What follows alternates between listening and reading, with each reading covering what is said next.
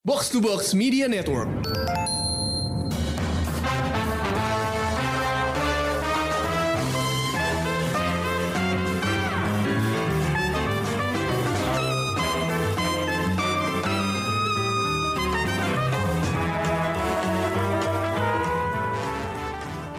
Halo pendengar Showbox, balik lagi akhirnya setelah berapa minggu Lil kita libur. Kayaknya nggak lama-lama Seminggu, banget ya. seminggu Dua lebih dikit ya. Dua minggu jalan dua minggu. Mohon maaf kepada semua pendengar Showbox, eh, gue lagi agak-agak sakit nih, jadi eh, kesehatan gue waktu itu tidak memungkinkan gue untuk rekaman, jadi maaf banget eh, podcastnya rada ditinggalin. Cuman sekarang sih harusnya kita udah balik ya, udah eh, full tim lagi nih. Bahkan hari ini gue mempersiapkan tiga panelis sekaligus, yaitu Ulil, Bunga, sama Krisna. Mampus nggak tuh? Jadi Keroyokan ya. kalian aja gitu maksudnya balik dari hiatus langsung apa namanya tiga panelis yang ngebahas satu film yang menurut gue cukup unik meskipun gue sendiri belum nonton Uh, gue belum nonton itu karena gue sakit juga dan ada juga uh, unsur kayak uh, gue agak cemen gitu ya kayak gue terintimidasi sama uh, sutradaranya dan isu yang dibahas di dalam filmnya. Jadi uh, kali ini gue hanya sebagai pemandu dan kita uh, gue akan memberi- memberikan kesempatan bagi Ulil, Bunga sama Krisna buat ngebahas sepuas-puasnya film ini, yaitu film Broker dari Hirokazu Koreeda. Yang menurut gue filmnya cukup aneh ya karena dari sutradara Jepang tapi uh, castnya Korea bahasanya eh kalau yang gue baca sih ya kayak emang pertama si Koreda ini emang pengen banget dia ker- kerja bareng aktor-aktornya ya terutama si Song Kang Ho, si Gang Dong Woon sama Baiduna dia udah pernah sih sebelumnya di apa eh, Baiduna udah pernah sih sebelumnya. Cuman terus dia kayak pengen ini terus kebetulan ide ceritanya juga. Ide ceritanya tuh eh, dia dapat ide tentang broker ini ketika dia riset untuk film dia yang tahun 2013 hmm, uh, Like Father Like Son. Terus waktu itu dia katanya lagi kayak riset soal sistem adopsi di Jepang gitu. oh Nah, terus akhirnya dia inilah apa uh, menemukan fakta tentang baby box, baby box yang ada di dalam cerita ini lumayan berperan. Terus ya ternyata isu itu lebih apa ya lebih serius itu di Korea gitu dan dan soal keberadaan baby box ini lebih populer di Korea gitu dan apa ya isu soal pem- anak dibuang, anak terlantar itu sesuatu yang lebih serius di Korea. Jadi kayaknya dia memutuskan untuk bikin ini sekalian di Korea gitu. Kayak mungkin lebih cocok. Gitu. Mungkin Chris lo harus jelasin dulu baby box itu apa karena mungkin nggak semua pendengar iya. Showbox ngerti apa yang dimaksud dengan baby box gitu. Jadi apa ya kayak kalau di film ini sih kayak di sebuah gereja gitu ada ada kayak kotak khusus gitu kayak untuk orang-orang yang merasa tidak mampu merawat bayinya itu untuk ditaruh di situ dan diserahkan ke eh, apa ya pihak berwenang dirawat apa gitu, jadinya dirawat. sama sama apa sih mungkin panti kayak asuhan gerejanya punya panti asuhan gitu kan ya mungkin ha, kayak dan dan apa sih kotak bayinya itu juga orang jadi bisa naruh anonymously gitu jadi kayak Mm-mm. ninggalin Keranjang Bayi lo. aja. Heeh. Hmm. tuh kali buat orang-orang yang apa sih punya anak tapi terus ya nggak bisa Ngerawat. merawat heeh. dengan gitu, berbagai alasan lah ya mungkin ekonomi atau apa gitu jadi diserahkanlah ke negara istilahnya kayak gitu kali ya Mhm, mhm, mhm. Hmm, oke. Jadi kita udah paham lah ya ini cerita tentang eh, adopsi yang agak-agak sebenarnya isunya Dan ilegal nggak ini, sih? kayak eh, soal baby boxnya sih nggak kayaknya Nggak ilegal ya ilegal. cuman di cerita ini kan terus ada dua karakter utamanya si Sang Hyun dan Dong Soo yang diperankan sama si Song Kang Ho dan Gang Dong Woon yang terus kayak apa ya mencuri bayi di baby box ini untuk dia jual ke Oke. ke pembuang inilah gitu. Jadi kayak emang bisa dibilang human trafficking sih kan sebenarnya. Iya sebenarnya. Hmm, Jadi dia kayak tapi dia kayak beralasan dia mencarikan orang tua yang paling Layak. cocok gitu, yang paling layak, yang paling ini daripada apa ya dia terlantar di panti asuhan lebih baik dia mencarikan orang tua yang layak gitu. Nah, terus pokoknya ceritanya dimulai ketika si ada seorang ibu muda yang naruh ba- bayinya tuh di situ si nama karakternya si Soyong yang diperankan sama Ayu. Ji-eun alias Ayu. Nah, cuman terus setelah dia ninggalin bayi di situ, terus dia balik lagi, terus dia kayak menemukan fakta kalau wah ternyata bayinya diambil nih sama si Sang Hyun ini yang dimainin Hmm. apa si Song Kang Ho ini. Terus akhirnya ya udah dia kayak eh ya udah gue pas, pas tahu bayinya mau dijual buat ha- apa seharga berapa gitu akhirnya dia kayak ya udah ikutan deh ayo cari apa sih Gua buyer apa- yang Heeh. oke gitu orang Mm-mm. tua dia kayak yang ngasih syarat dia harus setuju juga dengan calon orang tuanya gitu kan. biar dapat persenan juga tuh. Betul. Iya. Eh, pembagian persenan juga dan ya dia inilah merasa kayak harus menemukan orang tua yang paling cocok gitu. Jadi Cocok. dia ikut me- apa istilahnya verifikasi calon orang tuanya gitu. Tapi Terus waktu lain awal tuh ada- bukan ini ya, Chris. Eh, Apa? si Ayunya cuma naruh di depan tapi akhirnya ada detektif oh yang, iya yang masukin ke baby boxnya itu. Mm, makanya dia beralasan sebenarnya dia ya. cuman cuman apa ya nggak dia bilang bu- dia, bilang dia bakal balik, Balik lagi kan Ada lagi. Naruhnya di situ malam-malam hujan-hujan kan kasihan bayi Terus di apa di pihak lain ada juga nih dua polisi yang ngikutin mereka kan, Hmm. yang emang udah ngincer si Sang Hyun dan Dong Dong Su ini. Kayak mereka udah curiga tentang Penjualan bayi ini. ah, ah, human trafficking inilah. Jadi dua polisi ini tuh yang diperanin sama Baiduna sama Lee Juyong. Hmm. Oke, ini gue gue mau nanya dulu nih sama orang yang kayaknya paling nggak biasa nonton film kayak gini, yaitu Ulil. Iya. Lil, kenapa lo tiba-tiba kesambet apa tiba-tiba pengen nonton film ini gitu? Karena eh, brokernya tentang bayi. Penjualan Oh. bayi. Gue gue penasaran sih gimana gimana mereka mengemas tentang penjualan bayi ini gitu dan gue jarang mendengar tentang eh, penjualan bayi gitu. Paling dengarnya tentang anak-anak dijual gitu. Tapi kalau bayi tuh gimana ya gitu. Jadi gue kayak tertarik dan oh ya udah deh nggak apa-apa cobain dua jaman ya hampir dua jam itu sih dua oke. gue bertahan. Gue bertahan. Terus waktu keluar bioskop lu yang yang yang lu pikirin di otak lu apa? waktu gue keluar bioskop gue hap ha- hangat sih seneng sih. Karena akhirnya si anak yang eh, jadi bayinya ini terselamatkan dengan baik gitu loh jadi kayak semuanya win-win solution gitu loh Oh, oke. Jadi lu merasakan hangatnya keluarga Mm-mm. di film ini. iya gitu ya? bener akhirnya akhirnya merasakan kehangatan keluarga kayak lo dari stranger akhirnya lo punya attach satu sama lain saling nolong saling lengkapin karena di tengah-tengah tuh ada adegan eh, Dongwo sama eh, Kang Ho ini bilang sama si Ayu sama ibunya lo lo gimana? Lo mau rela anak lo dijual apa enggak gitu. Kalau enggak rela ya udah kita selesaiin kayak gitu. Jadi kayak apa ya mungkin mereka jadi ngerasain hal yang sama juga kali ya. Jadi tega nggak tega karena ada ibu kandungnya di situ yang yang nemenin gitu. Terus Hmm. kayak eh, gue cukup eh, suka dengan risetnya untuk eh, apa namanya proses pengabdo eh, pengadopsian bayi di sana tuh kayak gimana? Terus kayak eh, ketika orang tua eh, yang mau eh, adopsi bayi ini tuh kayak udah mencoba ber- berbagai cara eh, di fasilitas kesehatan dan eh, apa pun gitu mereka tahu. Jadi kayak selain apa namanya menjual kepada orang yang tepat gitu ya mereka juga bener-bener ngawasin supaya itu anak juga nggak dijual lagi zaman mereka. Oh, jadi double protection gitu walaupun mereka ilegal tapi eh, mereka nggak mau ngasih itu ke orang yang salah gitu Oh, oke. Berarti Karena berarti kekeluargaan sekali hebat ya.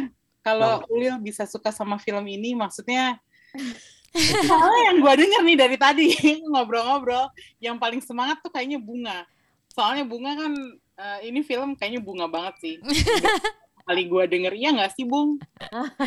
masa iya ya mungkin karena Iya jadi sih. seorang ibu jadi Mungkin lebih lebih ini lebih attach gitu mungkin mungkin juga nggak nggak tahu sih maksudnya kayak eh menurut gue mungkin walaupun emang ya karena ditulis dengan bagus dan aktingnya juga bagus ya. Jadi Mm-mm. kan nyampe lah ya ke kalian juga eh, gimana sih perasaan dan bimbangnya si ibunya gitu kan. Tapi Mm-mm. ya emang gua waktu nonton tuh berasa ini banget kayak apa ya bisa relate banget lah gitu gimana perasaannya dia yang kayak eh, pengen give up si bayinya tapi juga biar gimana itu anaknya dia gitu kan. Mm-mm. Itu itu itu kelihatan banget kan di karakternya. Ya. Jadi kayak ini sih eh ya mungkin itu juga salah satu Perang batin ininya. juga gak sih Bung? Karena kan Iya, dia iya anak banget. hasil yang terlarang. ya. Terus Heeh, kayak- dan Kalau dan menurut gue juga ini siapa ya? Di sini tuh apa ya? Eh, Koreda tuh netral banget gitu gak sih? Iya, iya. Dia dia tidak berusaha untuk eh, mengantagoniskan Ayunya. eh, Ayunya, mengantagoniskan nggak apa si brokernya, Iya. supaya iya, kayak semua tuh ya abu-abu gitu loh, Iya. nggak ada yang hitam putih gitu. nah itu yang menurut brokernya pun eh, melakukan itu dia punya landasan moral sendiri kan Iya. dia pengen nyari orang tua yang terbaik gitu dan Mm-mm. segala macam. itu menurut gue bagusnya di situ sih film ini. Jadi eh menurut gue ceritanya eh bagus banget bisa dibilang cukup kompleks ya. Maksudnya awalnya kan Isunya kayak berat sih, cuman serius banget. tentang apa namanya semacam kayak penjualan bayi gitu. Cuman terus Mm-mm. sambil ceritanya jalan, yang mana terus filmnya juga jadi semacam eh, Road movie. apa road movie kan. Terus ada sentuhan komedi-komedi juga segala macam. Tapi kayak isu-isunya tuh jadi banyak gitu kan. Jadi kayak apa sih latar belakangnya si si siapa namanya si ibunya si Soyong lah. Terus Mm-mm. kayak Ayu, heeh. eh eh, eh, ceritanya si masing-masing backgroundnya si karakternya Song Kang Ho sama si Kang Dong Won terus jelas ya. ah, Terus, ada, terus ada, anak satu yang tiba-tiba ngintilin Anak dari panti asuhan. Ya, ke jadi itu tuh dan kayak yang lo bilang abu-abu banget jadi kayak eh ya di atas kertas kan mereka sebenarnya penjahat ya Iya. Iya. kayak human Tapi trafficking gitu cuman bisa cuman alasannya kayak mulia gitu loh dan Iya, itu kita juga berdasarkan benci bahkan nggak bisa nyalahin gitu kan. Iya, jadi kayak eh ya bi ya kelihatan sama bahkan si karakter polisinya sendiri yang Beduna itu dia sendiri juga kayak Lama-lama- bimbang gitu Lama-lama kan. bimbang juga. Heeh, jadi kayak benar semuanya tuh kalau di situasi yang seperti yang ada di film ini siapa yang bisa bilang mana yang benar mana yang salah gitu loh apakah itu penjahat apa bukan Iya. kayak eh, kompleks banget gitu cuman ditampilkannya dengan eh, gimana ya maksudnya dengan subtle dengan tenang Iya.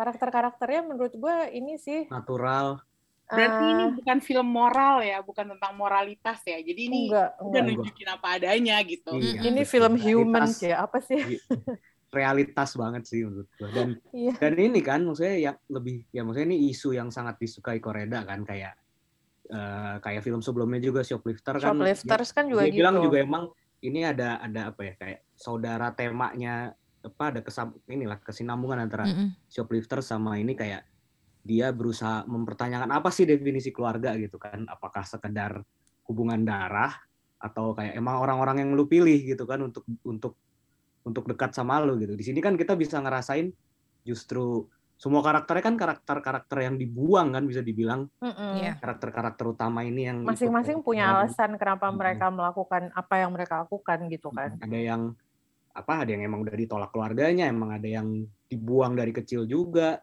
Terus kayak walaupun singkat tapi kebersamaan ini akhirnya mereka bisa ngerasain yang namanya keluarga kan Hmm. dan chemistry-nya bagus banget ya dan chemistry-nya bagus Iya. banget dan itu kan yang bikin kayak semua orang pasti bisa ngerasain kehangatan ini gitu menurut gue Hmm.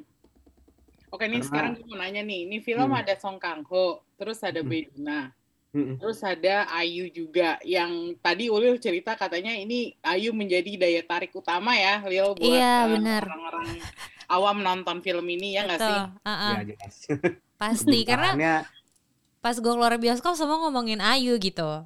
Bahkan akhirnya gue yang pas pas nonton itu pas duduk semua orang tuh kayak ini film tentang apa sih? Kan sebel ya. Jadi pada ngobrol di bioskop gue yang kayak, "Hey, boleh nggak kamu baca ya dulu kalau kayak sinopsisnya atau nonton trailernya?" Karena kan ini film Korea ya. Maksud gue kayak ya oke lah kalau lo uh, Hollywood atau apa lo sering gitu ngeliatnya. Ini filmnya film asing gitu loh. Maksudnya yang jarang kita tonton di Indonesia. Kenapa Hmm. nggak mau baca dulu jadi ngobrol kesel banget gue. Terus ngebahasnya Ayu dong kayak oke siap oke gue diem aja. Nah itu udah ada segitu banyak performer yang bagus. Eh, Mhm. siapa yang paling menonjol? Karena si Song Kang Ho tuh sampai menang eh, Actor. penghargaan di Cannes kan. Jadi eh, apakah he's the best atau ada orang lain yang ternyata muncul sebagai like the scene stealer atau show stealer?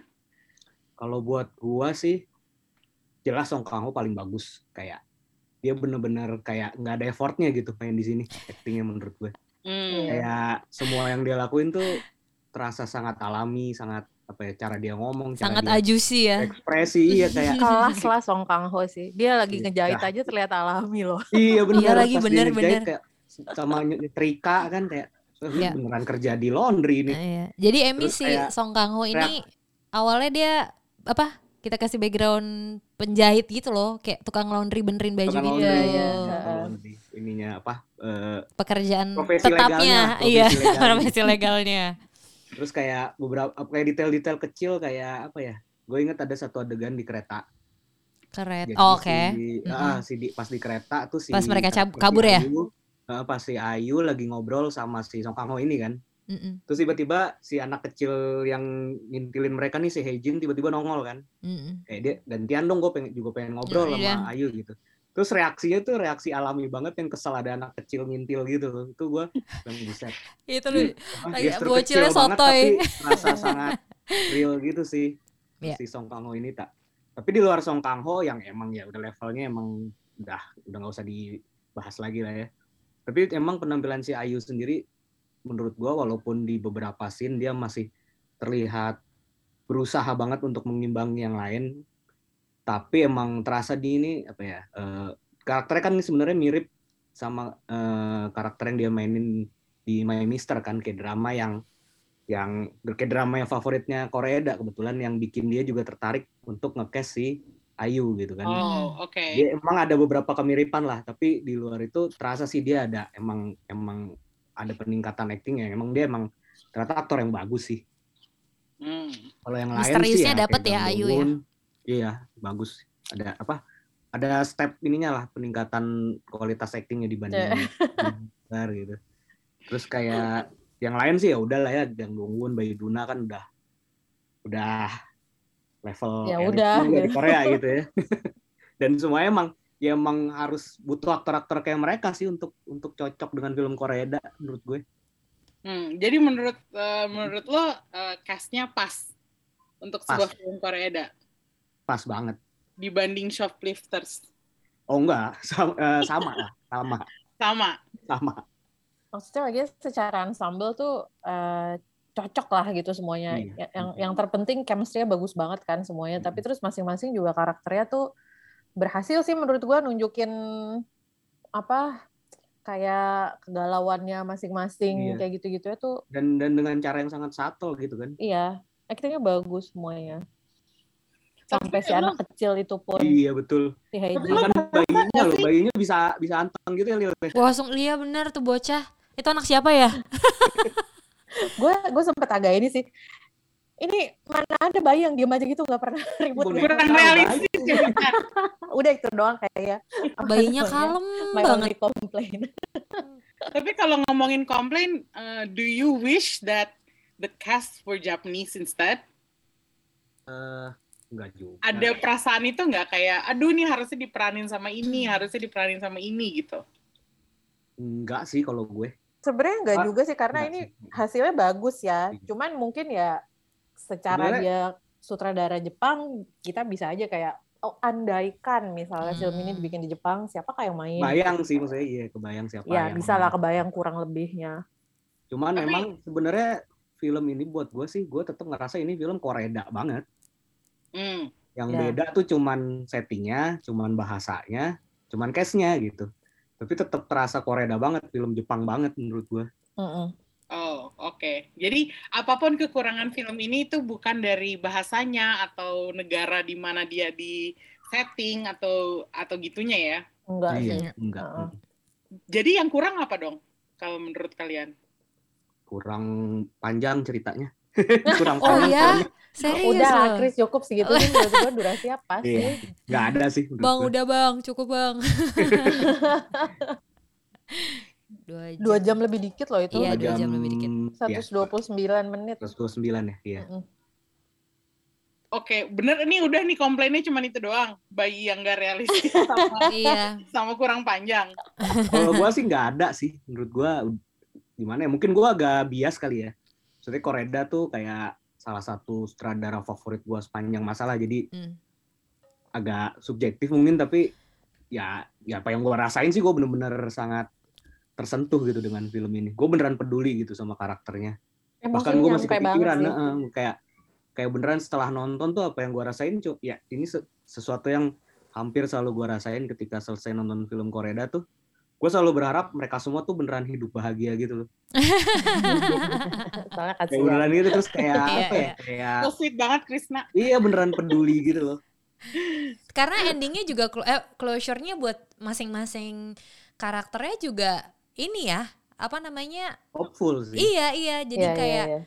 Oh, dia begini jadinya. Oke, gue tenang deh gitu. Iya, iya benar. nggak sepahit shoplifters lah Hmm, tapi emang Iya. semua filmnya Korea tuh gini ya, Chris. Maksudnya di di belakangnya tuh beda-beda beda-beda Dikasihnya- film dia tuh kayak ada salah satu yang favorit gua kayak apa judulnya Our Little Sister Oh, itu film sih ya. biasanya kayak kayak cuman war- heartwarming heartwarming doang gitu kayak oh, oke. nggak nyaris nggak ada konfliknya gitu dan dan beneran akhirnya juga happy ending segala macem tapi ada juga yang beneran pahit banget ya kayak shoplifters itu Oke.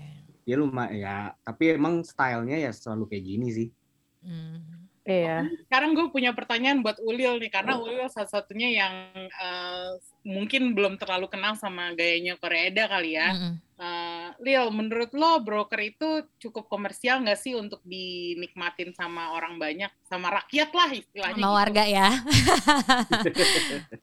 Eh, kurang sih, Kurang. kurang sih. Karena Kenapa? eh, pace-nya yang lama bikin orang gelisah aja gitu.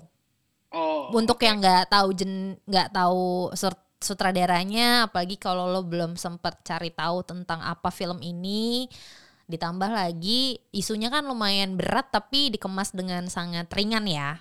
Hmm. Jadi yang kayak kalau untuk komersial sih kayaknya enggak ya. Banyak yang memilih enggak deh gue memilih nonton film yang lain aja gitu. tapi faktanya lumayan rame kayaknya ya Karena Ayu kak, Iya benar sih. iya Karena bener-bener pasang Ayu itu gitu. Kalau menurutku ya, karena eh gue ngelihat dari kayak setengah jam sampai satu jam awal tuh orang-orang udah rungsing gitu, udah pada mulai buka handphone. Berasa lama ya depannya ya. Iya iya berasa lama kan. Terus yang belum lagi yang belum sempet cari ngobrol nanya teman sebelahnya, eh ini bayinya kenapa ya? Eh ini kok banyak gitu. Eh, ini kenapa sih? Terus gue kayak eh, pada diem gak? gitu. Mungkin untuk eh, penikmat film ataupun yang kayak penasaran gitu kan sama ada film-film baru selain Hollywood gitu. Ini menarik sih gitu. Kalau buat aku. dan Tapi ya, nggak terlalu lo menikmati ya. kan Iya gue menikmati sih. Karena gue penasaran aja gitu gimana ya proses uh, penjualan bayi ini gitu. Endingnya apakah uh, akan beneran rela dijual demi duit yang gede? Karena kan di tengah-tengah kan itu bayi mau dibeli sama ayah eh keluarga dari ayah aslinya kan dengan harga yang uh, bombastis banget kan. Cuman kayak oh si iya, iya. brokernya ini kayak Ih jangan dong lo nggak tahu nanti kalau misalnya karena karena ini kan, Karena- apa, menurut dia bukan orang tua yang baik gitu kan. Iya iya. Mau diapain Eh, dan anaknya? mau Iya. dijual curiga mau dijual lagi kan justru Ah, ah, atau mungkin jadi eh, jadi korban balas dendam istrinya Iya, gitu iya, ya kan? Justru justru kayaknya lebih ke arah situ sih. Karena Makanya antagonis banget ya istrinya ya serem banget gitu. Iya iya iya. Penasaran gue terus kayak ini mau dibawa ke mana nih ceritanya? Apakah berhasil dijual ataukah eh, berhasil dijual dengan orang tua yang terakhir? Tapi sih. ternyata endingnya cukup hangat ya maksud gue. Heeh. Gue seneng gitu dengan endingnya. Oh oh ya gini gini gini gini terus kayak Mm. eh, apa namanya prosesnya dan ternyata si detektifnya itu yang eh, Beduna juga kayaknya punya ini ya punya punya latar belakang yang eh, berat juga kayaknya ya untuk masalah anak Hmm. sama suaminya Iya. ya. Jadi pas gue Iya, curiga dia nggak bisa punya anak kali ya Iya. ceritanya ih sama ya. Bung gue juga curiga gitu Makanya deh. Iya. dia, dia kayaknya dia yang paling marah Kayak kan sih gitu. sama- Paling Makanya marah dan iya, awalnya sayang kan banget kayaknya. Heeh. Kayak awalnya kan dia kayak ini banget kan kayak kesal banget sama si Ayunya kan. Terus kayak Mm-mm, mm-mm. malah kayak berharap semoga ada yang beli atau gimana gitu. Dan ngotot banget kan Iya. Mm-mm. heeh. dan sampai bahkan dia merekayasa Iya. Orang tua palsu iya. gitu Iya. sih. Serunya itu sih kayak udah menjelang mau terakhir tuh kita kayak bener-bener nggak tahu ini endingnya bakal dibawa Iya. ke mana ya. Dan dia udah mulai cepet banyak. banget kan. Iya. Wah, wah mau ke mana nih? Mau ke mana? Mau gimana nih? Banyak banget. heeh, Iya. Gitu sih kalau dari aku. Iya. Oke. Premisnya oke. Oke, Iya, ngomong premis nih ya. eh, ceritanya nih kan tadi Krisna udah bilang tuh eh, ad- pengadop- pengadopsian anak di Korea Selatan sama di Jepang tuh ya 11-12 gitu intinya Iya, yang bikin Korea bikin pengen bikin film ini. Tapi tahu nggak sih Bung, gue gue keinget satu cerita lagi yang agak-agak mirip, Apa-apa? yaitu Coin Locker Babies. Ah, ya oke. Meskipun nggak sama ya jalan ceritanya, cuman kayak konsepnya itu Heeh, heeh. familiar gitu buat gue waktu gue Ninggalin bayi. Mm-mm, Mm. gitu. Menurut lo cerita-cerita kayak gini tuh universal enough for international audience atau enggak sih? Soalnya kayak gue merasa ini eksotis banget gitu, kayak hanya terjadi di Korea Korsel dan Jepang gitu. Itu Iya juga tadi sebenarnya makanya eh, kayak pas nonton juga gue bertanya-tanya, ini beneran ada nggak sih kayak beginian gitu tempat orang bisa ninggalin bayi? Tapi ternyata memang ada ya. Eh mungkin kayak seperti yang lo bilang pas nonton mungkin banyak orang yang bertanya-tanya hal yang sama. Tapi waktu nonton itu jadi sesuatu yang apa ya believable gitu loh. Hmm. Jadi jadi kayak kalaupun tadinya gue sempet ini eh, karangan apa beneran sih, tapi sambil nonton sambil apalagi sambil ceritanya ngalir dan selanjutnya itu gue jadi tidak mempermasalahkan itu lagi gitu. oh kalau itu pun ternyata fiktif Kalau ah, ah, itu sebelum gue gitu tahu ya. ini beneran ada apa Mm. enggak gitu. Jadi emang ditampilinnya eh, alami banget sih. Jadi menurut gue harusnya orang-orang di negara yang nggak ada kayak begituan Isu pun masih tetap ya. bisa menikmati sih Kalau harusnya. menurut gua sih tetap bis, film ini tetap bisa apa ya diterima secara universal Iya. walaupun mungkin negaranya nggak punya isu kayak gitu karena bukan cuman soal apa ya pe- apa bayi dibuang atau anak dibuang tapi juga lebih tentang keluarga gak sih menurut gue tentang Iya, si baby box anak. itu cuman kayak titik awal titik awal cerita. jalan aja. tapi berjalan tuh kan lebih Iya. apa sih yang mendefinisikan seorang ibu gitu apakah Mm-mm. melahirkan itu cukup untuk menjadikan lu seorang ibu atau butuh lebih dari itu atau nggak perlu melahirkan tapi lu memberi perhatian itu bisa menjadi udah cukup untuk menjadikan lu ibu apa sama soal keluarga juga apa sih kayak gitu gitunya sih sebenarnya film ini kalau menurut gua. Iya, iya, lebih itu dari cuman soal- kayak depannya doang. iya lebih dari sekedar apa ya sekedar penjualan bayi human trafficking itu cuman background sih. Hmm, ujung-ujungnya drama yang human banget sih. Iya. Oke. Tapi Chris, kalau misalnya lo ngebandingin Broker sama semua film Korea yang lain yang udah pernah lo tonton, Mm-mm. apa yang bikin Broker ini spesial? Maksudnya ini film kan lumayan banyak diomongin ya, maksudnya eh, oleh apa eh, komunitas film internasional gitu, dan Mm-mm. karena ikut eh, Cannes juga gitu. Cuman Mm-mm. maksudnya apa yang membuat Broker ini apa ya lebih lebih menarik deh daripada filmnya si Korea yang terakhir yang berbahasa Prancis itu, yang sama-sama aktor-aktor Prancis itu. Oh. sama Ethan Hawke ya Ah, iya. Eh apa ya sebenarnya ini film Koreda banget sih. Jadi kalau mau dibandingin ke yang lain mungkin daya tariknya lebih ke ceritanya aja ya. Kalau kayak secara style secara gimana dia men, men- apa mengeksekusi sebuah adegan itu hampir mirip sama semua filmnya sih. Dan dan ya itu udah khasnya dia ya. Tapi mungkin secara cerita karena isunya kali ya human trafficking bayi dan dia berusaha berusaha memberi apa ya perspektif yang beragam gitu loh dan dan semuanya tuh eh, nggak ada yang nggak ada yang salah nggak ada yang benar gitu menurut gue itu sih kalau kalau mau dia lebih apa dibahas lebih dalam di- dibanding film-film dia yang lain secara ceritanya aja sih. Hmm. Ini ceritanya ngalirnya enak sih menurut gue. Mm-mm. Paling enak. Rapi ya. ngalirnya. Mm. Heeh, Eh. dan dan jalan gitu ceritanya. Maksudnya eh gue belum Smooth nonton gitu sih ya. kalau si siapa si Our Little, Little Sister cuman eh Mm-mm. apa namanya kayak gue pernah lihat yang Like Father Like Son ya. Iya. Itu kan juga cerita keluarga kan. Itu ya Ah. ini apa? Bayi ketuker. Heeh, seneng yang begitu-begituan ya. Itu dia dulu Itu- kan salah satu film awalnya juga yang bikin dia jadi sebesar sekarang gitu ya. Mm. Still Walking kan tentang anak terlantar juga. Kayak anak empat anak yang paling gede tuh masih umur 10 tahun, 11 tahun. Bukan Still Walking.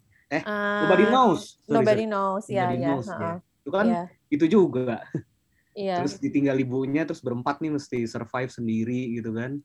Heeh, heeh, heeh. Iya emang suka Bi- kayak bisa gitu. dibilang ini ini salah satu yang paling hopeful ya. Paling Maksudnya, hopeful sih bisa dibilang. mm, bukan berarti film-film dia pada bleak semua ya. Cuman Mm-mm. ini ini in a way gue bilang filmnya bisa dibilang termasuk film dia yang menyenangkan gitu tanda kutip menyenangkan ya nggak sih kayak betul. Happy ending. iya Hand- Dan, dan tuh sepanjang happy film tuh rasanya rasanya hangat gitu, nyaman. gue. Iya gitu. iya iya. Walaupun kita tahu kayak kayak tadi dibilang kan kayak si Ulil sama Bunga bilang nggak penasaran nih ujungnya gimana, tapi menuju proses itu ya pun kita tetap merasa hangat apa merasa nyaman, merasa Mm. hangat gitu walaupun wah ini kayaknya di belakang bisa terjadi hal-hal yang nggak enak nih gitu. Iya, Tapi tetap bisa menikmati momen-momen itu kan. Iya, masih ada kayak komedi-komedinya gitu. Mm-mm. Jadi ya ini sih. Dan ya ternyata endingnya tidak sepahit shoplifter sih terutama. Heeh. Iya endingnya aku suka. Endingnya Oke. memuaskan lah. Iya. Jadi Dan Oh, do you think Korea should uh, harus bekerja lagi dengan kru internasional, cast internasional? Ada efeknya nggak sih? Like Krisna bilang tetap film Korea gitu. Jadi Iya. harusnya nggak ada masalah dong dia mau kerja sama kru Amerika sekalipun. What do you think? Ya, masalahnya baru ini sih gue apa eh, nonton film dia yang non Jepang ya, yang The Truth gue waktu itu karena sempat diputar di bioskop Indonesia, cuman masih pandemi kan dan bioskop masih limit banget kan, jadi Hmm. waktu itu gue kelewat. Ya kalau kalau yang si broker ini sih mungkin masih ada kedekatan ya Jepang dan Korea. Aktor-aktornya juga dia udah sangat kenal baik sebenarnya kan. Beduna pun udah pernah main di film dia kan di Erdol. Erdol. Heeh, jadi eh, masih penasaran sih kalau misalnya dia eh, bahasa Inggris, film bahasa Inggris atau film Eropa masih penasaran sih apakah tetap stylenya bisa works gitu ya. Ya, Hmm. efeknya sih sebenarnya penontonnya jadi jangkauannya bisa lebih luas sih, Lebih luas, lebih iya. lebih accessible gitu kayak kapan lagi lo bisa nonton film dia di bioskop di sini kan jarang-jarang banget kan Mm-mm. kalau nggak Bahkan kayak ini nah, festivalan. kayaknya cukup luar biasa ya bahwa broker main di sini lumayan cepet setelah kan. Iya, Iya, Indonesia iya. tuh negara pertama yang muter broker di luar Korea. Korea Wow. aja masih main Iya. kan Korea kan baru Korea masih awal, main, iya, awal masih- Juni kan masih baru main Heeh. Kalau gue Wow. lihat di Twitter, di Instagram sih mereka masih bahkan kayak masih roadshow gitu buat promo ke bioskop-bioskop. Hmm. Hmm, oke. Jadi gimana nih broker dibanding film-film lain yang lagi hits di sana? Oke nggak nih? hasilnya? Film-film ini apa di Korea maksudnya. ya, kan Korea kan you know spesifik banget kan taste-nya sampai mereka tuh yang hits di Korea kayak dia punya box office sendiri gitu. Contohnya Kayak- Roaring Currents gitu kan. Iya. Maksudnya siapa sih yang bisa bikin negara lain yang punya film berpenghasilan tinggi tapi ceritanya tentang kolosal perang gitu. Pahlawan lokal gitu ya. Iya, ha-ha. Eh, Kayaknya lumayan sih ya. lumayan laris. Saya Heeh. tahu terakhir gue lihat di Korea dia udah 1,5 juta penonton sih. Dan itu pasti kekatrol banget sama bintangnya sih kalau menurut gue kalau di Korea ya. Iya iya. Sama si Ayu. Song Kang ya kalau di Korea mungkin Song Kang Ho-nya pun udah Udah daya banget tarik ya. tersendiri. daya tarik tersendiri. Tambah lagi ada Ayu, jadi ya lebih luas lagi kan jangkauannya. Terus ya mungkin juga ditambah kayak apa? Benar-benar masih fresh off kan dan kemarin Mm-mm, mereka menang juga kan award juga kan si Song Kang Ho-nya. Pastinya ada sedikit kebanggaan juga Kebanggaan kan. lah pasti, heeh. Karena Song Kang Ho-nya aktor yang paling mereka banggakan gitu kan. Terus menang festival di Cannes gitu kan. Pasti mereka penasaran. Dan saingannya sih kalau yang setahu gue lumayan genrenya beda juga sih. Yang lain kan Round Up tuh kan action kan. Hmm. Terus habis ini tuh ada film Song Kang Ho mau rilis juga di Korea. Sama Oh ya? Lee Byung, iya sama Lee Byung sama Lee Byung Hun sama Kim Nam Gil. Itu action Apaan? juga. Rame juga ya. Emergency Declaration jadi kayak tentang krisis di pesawat gitulah. Kayak aku pernah Oh. denger deh itu si emergency itu. Udah lama Udah kayaknya lama. rencananya kan Iya udah lama, cuman ditunda-tunda terus rilisnya. Pandeminya. pandemi, Oh iya. iya nih udah lama nih. Terus ada sci-fi juga kan, Alienoid itu yang kayak eh, alien invasion, terus kayak settingnya ada yang modern, ada yang era Joseon gitu kali ya. Hmm. Itu ada Kim Terry, Kim Woo Bin, Hmm. Terus ada The Witch Part 2 itu kan yang apa sequelnya udah ditunggu lama banget kan itu action semua kan. Jadi mungkin bisa sedikit menonjol juga kali broker ya di di bioskop. Pilihan yang berbeda. Mm-mm, pilihan yang berbeda gitu. Oke. Berarti masa depan cerah ya buat buat Koreeda dan brokernya. Eh gua rasa sih diskusi kita udah cukup lengkap nih. Kayaknya kita bahkan ngebahas prospeknya broker di box office Korea yang ternyata saingannya juga ada yang main di sini ya, yaitu The Roundup. Ground up. Alienoid juga waktu itu kayak gue liat si akun Twitter CBI udah nge-tweet sih Alienoid sama Kayaknya- oh sama Decision to Live juga yang Park Chan Wook Nah, Oh juga iya, penasaran tuh. sama Deutsch Deutsch Part 2 tuh juga tadi gue baru lihat udah di tweet juga sama si CBI Lil, kayaknya kita sibuk nih berapa bulan ke depan. Bolak-balik bioskop ya. stoknya. Sorry, sebelum sebelum udahan gue mau nanya dulu sama Krisna dan Ulil. Kalian ada meneteskan air mata nggak nonton ini? Gua enggak Nggak sih, Bu. nangis sih gue Tapi harus sih. Lo nggak lo nggak sampai Kris. Lo kan biasanya gampang, Gampang nangis. Eh, eh, pengen, pengen tahu Tapi- aja gue. nangis enggak tapi secara emosi gue lumayan diacak-acak gitu Oke. kayak apa ya Wes, diacak-acak. iya karena Lebih capek ya soalnya kalau emosi Iya, ada karena gue acak-acak ya. beneran akhirnya beneran care gitu loh sama mereka gue Oh. beneran berharap apa ya nggak ada terjadi hal buruk sama mereka Kayak, semua kayak pengen gitu. grup hug gitu. Oh my god. Iya. Gitu. apalagi kayak ngerasain momen terakhir mereka di hotel itu kan malam terakhir Oh Iya, ya, mereka Nah, Itu kan sih yang terasa- paling Kasih spell ya. nendang bagian itu sih. Mm-mm. iya kan obrolan terus matiin lampu mereka ngobrol ya itu kan dalam banget ya Itu kayak sampai nangis tapi apa ya tersentuh gitu kayak kalimat jagoannya gitu kan akhirnya yang Mm. sering Iya. disebut kalau orang-orang ngebahas ini kan yang thank you for being born.